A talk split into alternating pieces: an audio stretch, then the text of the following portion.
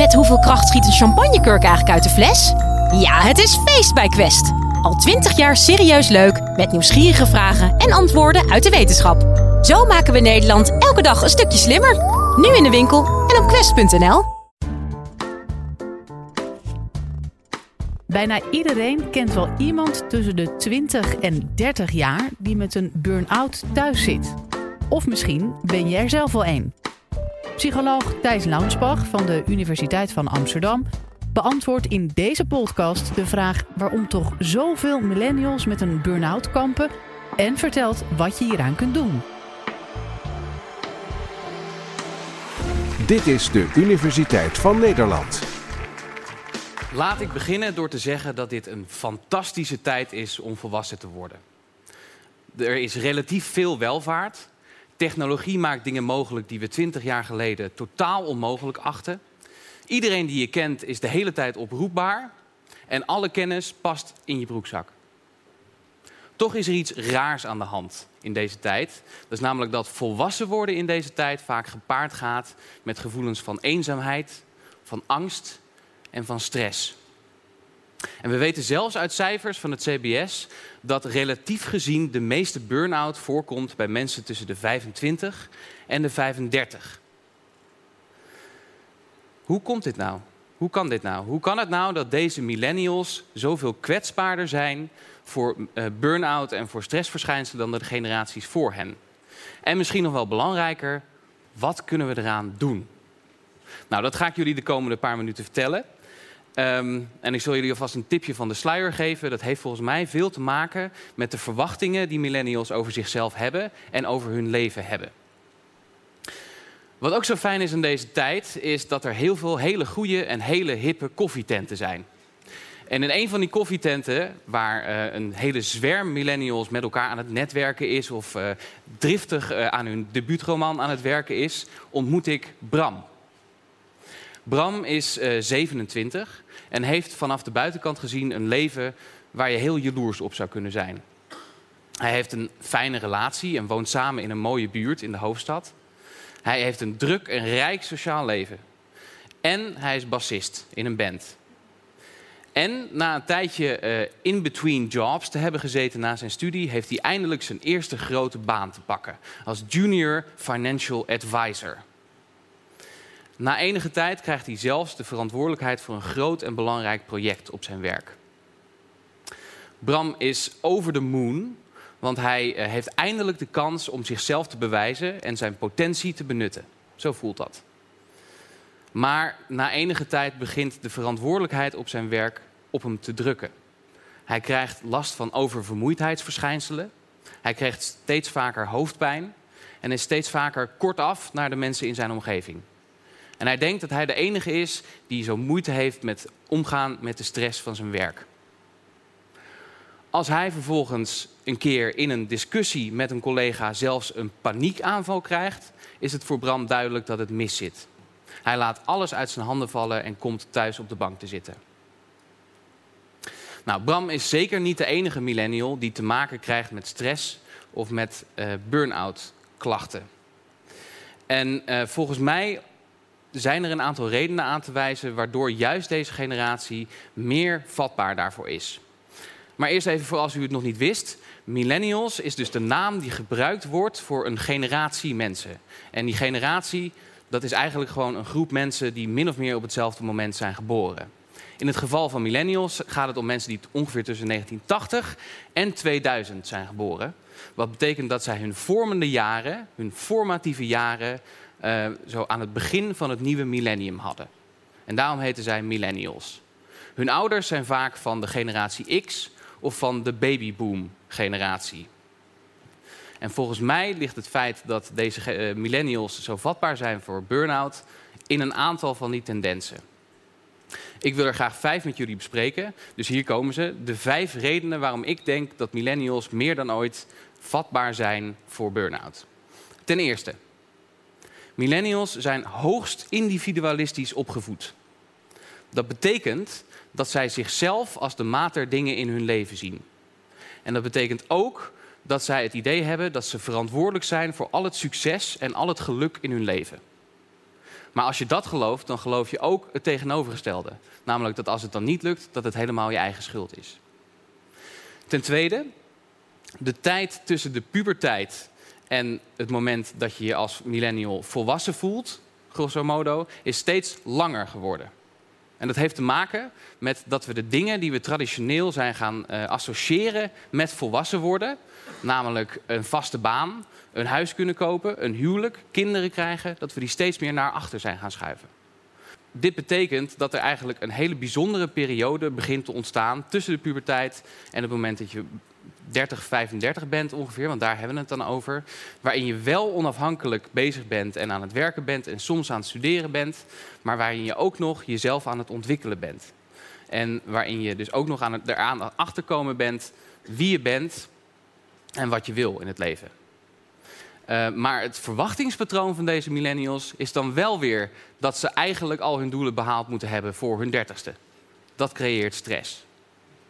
Ten derde, uh, millennials die kijken over het algemeen naar elkaar om te bepalen hoe succesvol ze zijn in hun leven. En dat is ook steeds makkelijker geworden met alle technologie die we nu hebben. Maar uh, wat millennials daar vaak niet helemaal bij bedenken, is dat mensen een nogal positief beeld over zichzelf naar buiten brengen op social media. Als ik mezelf als voorbeeld neem, ik heb bijvoorbeeld wel even een foto geplaatst. De opnames van Universiteit van Nederland beginnen OMG. Maar niet gisteren van ik ben misselijk van de zenuwen, wat doe ik mezelf aan? Dat is het verschil. Um, het is heel makkelijk om daar een onrealistisch hoge verwachtingspatroon over jezelf van te krijgen. Nummer vier. Um, millennials die zijn uh, opgevoed in een tijd en dat heel goed ging, economisch gezien. Dat je zou in sommige opzichten de sky the limit was. En dat het bijvoorbeeld heel normaal was dat als je van je studie kwam, dat je dan een baan aangeboden kreeg. Nou, die tijden zijn inmiddels een beetje veranderd. Um, de, deze millennials worden volwassen en komen de arbeidsmarkt op op een moment dat het economisch gezien juist veel slechter gaat. En dat ze het vrij moeilijk hebben om een baan te vinden. Dat betekent dat ze op het moment dat ze de arbeidsmarkt betreden een keiharde reality check voor hun kiezen krijgen. En dat betekent ook dat, ze waarschijnlijk om de arbeidsmarkt op te vloeien hun standaarden naar beneden moeten brengen. En dan uh, als laatste Millennials hebben sowieso al ontzettend hoge eisen van zichzelf. Want die hebben altijd gehoord: als jij maar je best doet, dan kun je alles worden wat je wil. Maar de realiteit blijkt anders te zijn. Op zich is dat nog niet eens zo erg, maar het ergste wat een millennial kan overkomen, is dat hij faalt ten opzichte van zijn eigen verwachtingen. Deze vijf dingen die vormen een soort explosieve cocktail van prestatiedruk en stress. En het zijn deze dingen die bijvoorbeeld ook maken dat een Bram uh, in plaats van op het moment dat hij het druk begint te krijgen en een beetje rustiger aan zou moeten doen, juist een tandje bijzet. Um, en wat er dan gebeurt is, wat er heel makkelijk gebeurt, is dat je torenhoge verwachtingen van jezelf krijgt. Waar je eigenlijk nooit aan kunt voldoen, maar het idee onverdraaglijk vindt dat je niet aan die verwachtingen voldoet. Nou, een voorbeeld van wat er dan gebeurt vinden wij in de documentaire All We Ever Wanted. Uh, die een aantal jaar geleden is opgenomen, waarin Nikki, degene die geïnterviewd wordt, vertelt over haar ideaalbeeld van zichzelf en wat er gebeurt als ze daar niet aan voldoet. De ideale Nikki ziet er veel vlijtiger uit, veel, uh, ja, veel georganiseerder, netter.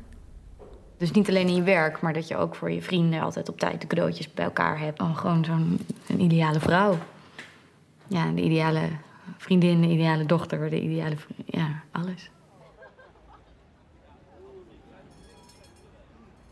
Wat voor effect heeft dat ideaalbeeld op jou?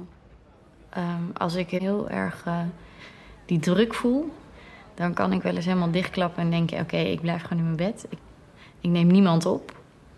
Uh, zelfs mijn ouders niet, mijn vriendje niet. Gewoon echt verstoppen. Echt verstoppen. Aan het eind van de dag voel ik me echt zo ongelukkig. Dan moet ik ook altijd huilen. Ja. Ja, want dan loop ik gewoon weg. De belangrijkste zin in dit stukje interview vind ik: ik wil gewoon de ideale vrouw zijn. Als jij het idee van jezelf hebt dat je op elk moment de ideale versie van jezelf moet zijn, en je vindt het idee onverdraaglijk dat je daar een keer niet aan voldoet, dan is dat een recept voor stress, burn-out en faalangst. Gelukkig zijn er wel een aantal dingen die we hier aan kunnen doen. En dat bedoel ik millennials onderling, maar ook de mensen die in, in hun omgeving zijn en die met hen werken. Ten eerste denk ik dat het tijd is voor de terugkomst van eerlijke gesprekken met elkaar. Waarin we kwetsbaar durven zijn en waarin we eerlijk durven zijn over onze beperkingen en uitdagingen. Weg van alle mooi weerverhalen, weg van alle imago's op Facebook. Ten tweede, ik denk dat het heel handig is om extra coaching te bieden aan deze groep op het moment dat zij van hun studie afkomen en richting de arbeidsmarkt gaan. Want we weten uit onderzoek dat dat een heel kwetsbaar moment is. En we zouden met wat extra coaching volgens mij een aantal uitvalgevallen kunnen verminderen. Ten derde, en dat is misschien nog wel de belangrijkste, is het tijd om opnieuw na te denken over waar deze fase in ons leven over gaat. En wat mij betreft gaat het dus niet zozeer om al je verwachtingen uh, inlossen en al je schaapjes op het droge te krijgen voor je dertigste, maar juist door jezelf te ontwikkelen en op die manier met vallen en opstaan erachter te komen wie je bent. Maar dan moet je dus wel van jezelf kunnen accepteren dat je af en toe fouten maakt en dat het niet gaat zoals je verwacht.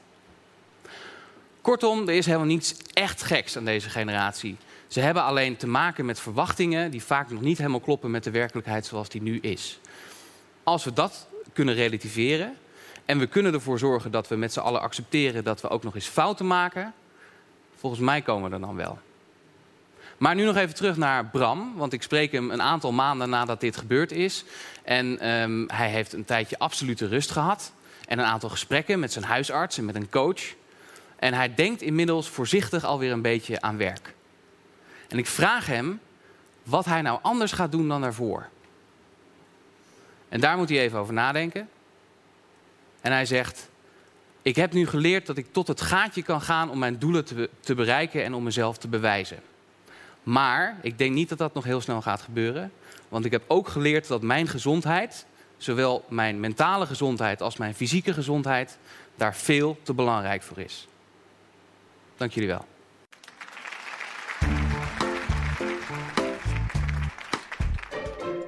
Dit was de Universiteit van Nederland. Wil je nou nog meer afleveringen beluisteren? Check dan de hele playlist en ontdek het antwoord op vele andere vragen.